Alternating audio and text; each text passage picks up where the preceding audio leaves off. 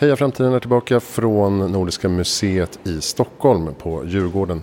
Konferensen här idag heter Vår framtid, en dag om de långa perspektiven. Och eh, nu på förmiddagen så hörde vi från eh, Mats Lekander från KI som står här. Välkommen hit. Mm, tack så mycket.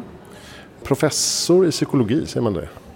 Ja, det är lite lögn nästan för att det är en förenkling. Jag är professor i hälsopsykologi på Karolinska institutet och professor i något som heter psykoneuroimmunologi eh, på SU, men skitsamma. för att säga det rent ut. Men jag läste att du, att du just forskar kring det här sambandet mellan eh, immunsystem, hjärna, psykologi och så vidare. Det låter ju extremt spännande. Och du är även föreståndare för Stressforskningsinstitutet. Ja, nästan. Eh, jag jobbar på Stressforskningsinstitutet, inte föreståndare där, men jag har varit föreståndare för någonting som heter, hette Stockholm Stresscenter som var ett excellenscentrum mellan KI och SU för forskning om stress, arbete och hälsa. Så, och, så, och, så det var samma sak? Nej, det, är inte, det låter ju så, men det är begreppsförvirring. Men, men i alla fall, så att där, jag har rätt stor erfarenhet av det och där handlar det ju mycket om så här, tidsperspektiv i termer av så här, exponering för stress och sånt där. Men sen är jag ju allmänt intresserad av upplevelser och då kommer tidsupplevelsen in där på ett mm. lite tacksamt sätt tycker jag. Just det, och det är det du har pratat om här idag? Ja, men precis. Och jag har börjat intressera mig för tidsuppfattning i relation till beteendeförändringar. För vi psykologer är ju väldigt bra på beteendeförändringar. Det är liksom vår, kanske en av huvudarenorna i alla fall då. Men vi är bra på det i individperspektiv och i viss mån i organisationsperspektiv. Men det som saknas tycker jag att man använder psykologisk kunskap för att ändra beteenden mot liksom goda beteenden så att man på individ eller organisationsnivå kan putta till exempel för, alltså det typiska exemplet är ju klimatfrågan. Där. Hur använder vi psykologisk kunskap för att man ska känna att risken är nära mig och att jag därför ska ändra beteende för att verka för. Och där ligger vi efter, alltså vi har världens chans tycker jag att, att använda kunskap och utveckla den väl. Ja, det där är intressant i framtidsperspektiv då för att eh, ska man ha piska eller morot Ska man visa på eh, dystopiska framtidsbilder eller ska man visa vägen mot en mer ljus framtid? Vad är det som liksom triggar mänskligt beteende? Det är väl sånt som du kikar på antar jag? Ja, och sånt som man vill kika på. Så att jag har ju, det är egentligen inte riktigt min forskning, men jag har börjat intressera mig för det. Och då har jag gjort så att jag har varit med och sökt pengar och sen har jag faktiskt lite grann med som facilitator försökt få yngre forskare att liksom snå åt sig det här området.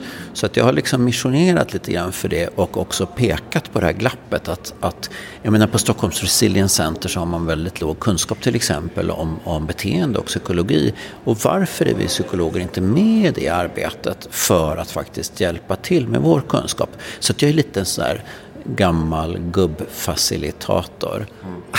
jag, vill, jag är med på ett hörn det, men jag vill att saker och ting ska hända. För att jag tycker att eh, mängden beteendevetare som pratar om nudging och sånt eh, ökar ju. Det blir ett större samtalsämne. Du har rätt i att, att nudging och mycket, mycket av det som är liksom beteendeekonomi, psykologin bakom ekonomiska beslut som då eh, med, med, kunskap som faktiskt också lånar sig väl till andra typer av beteenden för att förstå val och sånt där. Det, det kommer ju såklart. Och, och, och på ganska bra tvärvetenskapliga grunder så drivs ju en del av den forskningen av ekonomer men också psykologer inom ekonomin. Vi har haft flera Nobelpris Förlåt, vi har fått flera, vi har flera ekonomipris till minne av Alfred Nobel som det så vackert heter.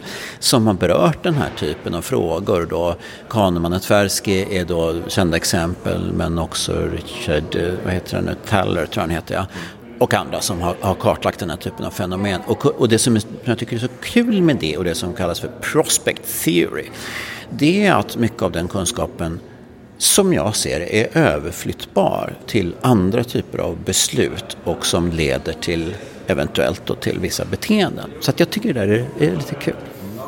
Och eh, du pratar om tid här idag. Varför eh, är tid intressant när man pratar framtid?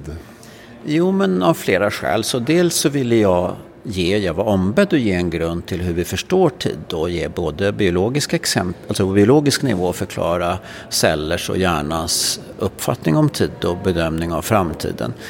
Eh, men också i perspektivet att hur man bedömer risk. Och det är ju förstås uppenbart när det gäller den här typen av större framtidsfrågor För att vi har ju då evolutionärt utvecklat kognitiva funktioner för att bedöma risk och att anpassa beteende för att minska risken med de här hoten av olika slag. Så det, det är ju toppen och det har gjort att vi har överlevt X och Y. Men, men de här mekanismerna är ganska illa anpassade till att hantera hot av en viss typ, sådana som ligger långt borta rent geografiskt eller långt borta i tid eller som berör andra än mig själv eller andra än den absolut närmsta avkomman. Eh, så, så där har vi ett glapp. Och då kommer den här intressanta frågan in. Hur kan vi göra så att risker som, då gör, som vi behöver hantera, som är uppbara ur rationellt och logiskt perspektiv, som vi behöver hantera.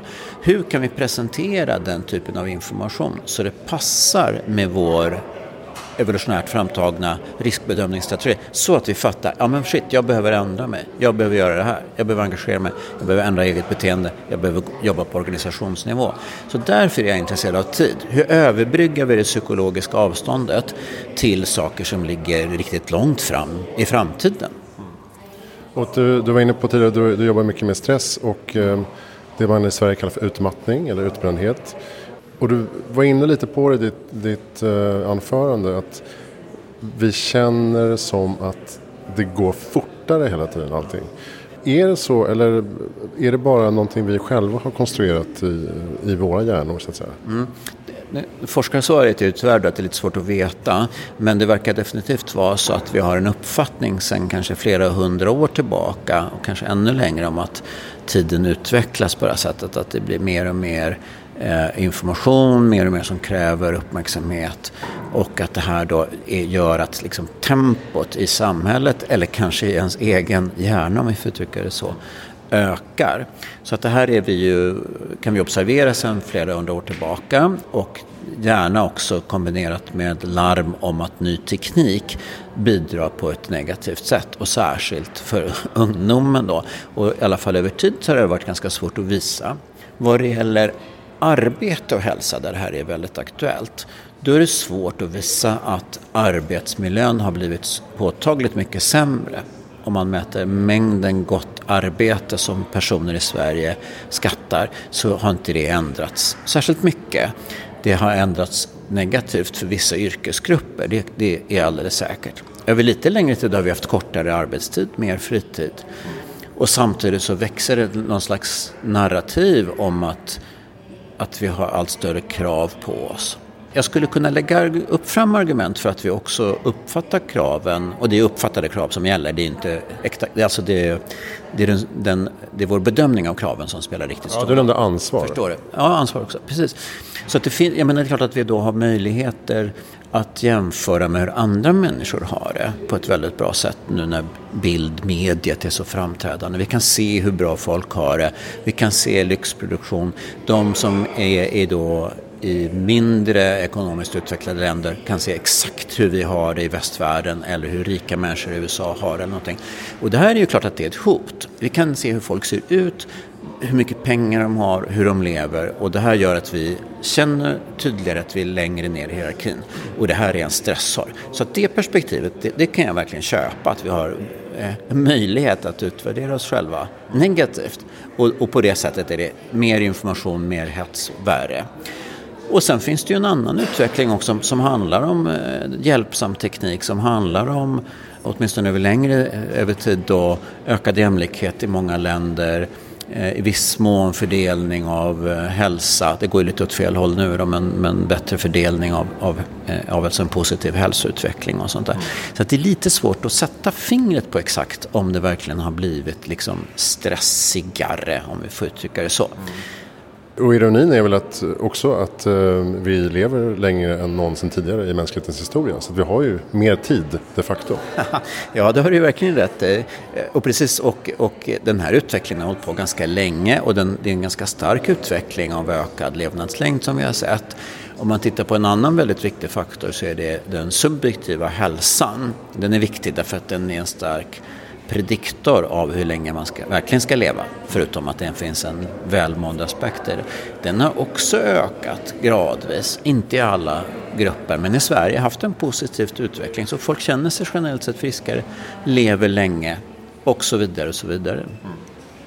Eh, jag brukar fråga, vad är ditt bästa tips för att göra världen bättre i framtiden? Eh, Okej, okay. då ska vi ha både individ och någon slags större nivå här då. Och jag är då som psykolog, tyvärr då, än så länge i alla fall, bättre på individnivån. Och då tycker jag att man kan ta stress och sömntips med en nypa salt. Det, det, har ett narrativ om att det är väldigt farligt att anstränga sig. Vi har ett narrativ om att det är väldigt farligt att sova lite. Det tycker jag man kan ta en, slappna av lite grann. Och då kan man kanske ägna mer kraft åt att dessutom organisera sig, kanske politiskt, ideologiskt, i folkrörelse och också försöka stimulera till goda beteenden. Det, det tror jag är ett sätt att skapa en bättre framtid. Alltså, eh, det kan ju vara någonting så översiktligt och flummigt som medmänsklighet. Men det kan också vara att engagera sig för till exempel en klimatfråga, för beteendeförändring kring det eller någonting annat. Du eh, poddar ju också. Eh, vill du eh, pitcha? Ja men absolut. Jag har två podcastar och är väldigt förtjust i populärvetenskaplig kommunikation. Vi är ganska dåliga på det tycker jag i forskningen sådär då. Jag har en som heter Stressforskningspodden och där har vi alltid en kulturell utgångspunkt refererat till ett musikstycke, en text eller någonting som folk känner till. Och då, kan, då är det lite lättare att ta till sig ett budskap sen då om en fördjupad diskussion om sömntrötthet eller vad det nu är för någonting.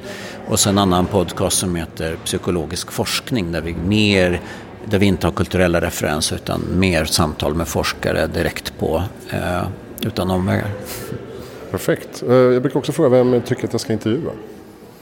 Jag tycker att du ska intervjua, du ska intervjua Martin Ingvar. Han är en neurovetare men också en person som forskar kring hur man ska hantera information på ett effektivt sätt i sjukvården för att hjälpa patienter. Då kan man minska kostnader och öka eh, patientnöjdhet om man gör på det här på rätt sätt. Han jobbar med mjukvarulösningar för patientinformation. Martin Ingvar, Karolinska institutet. Perfekt, tack snälla.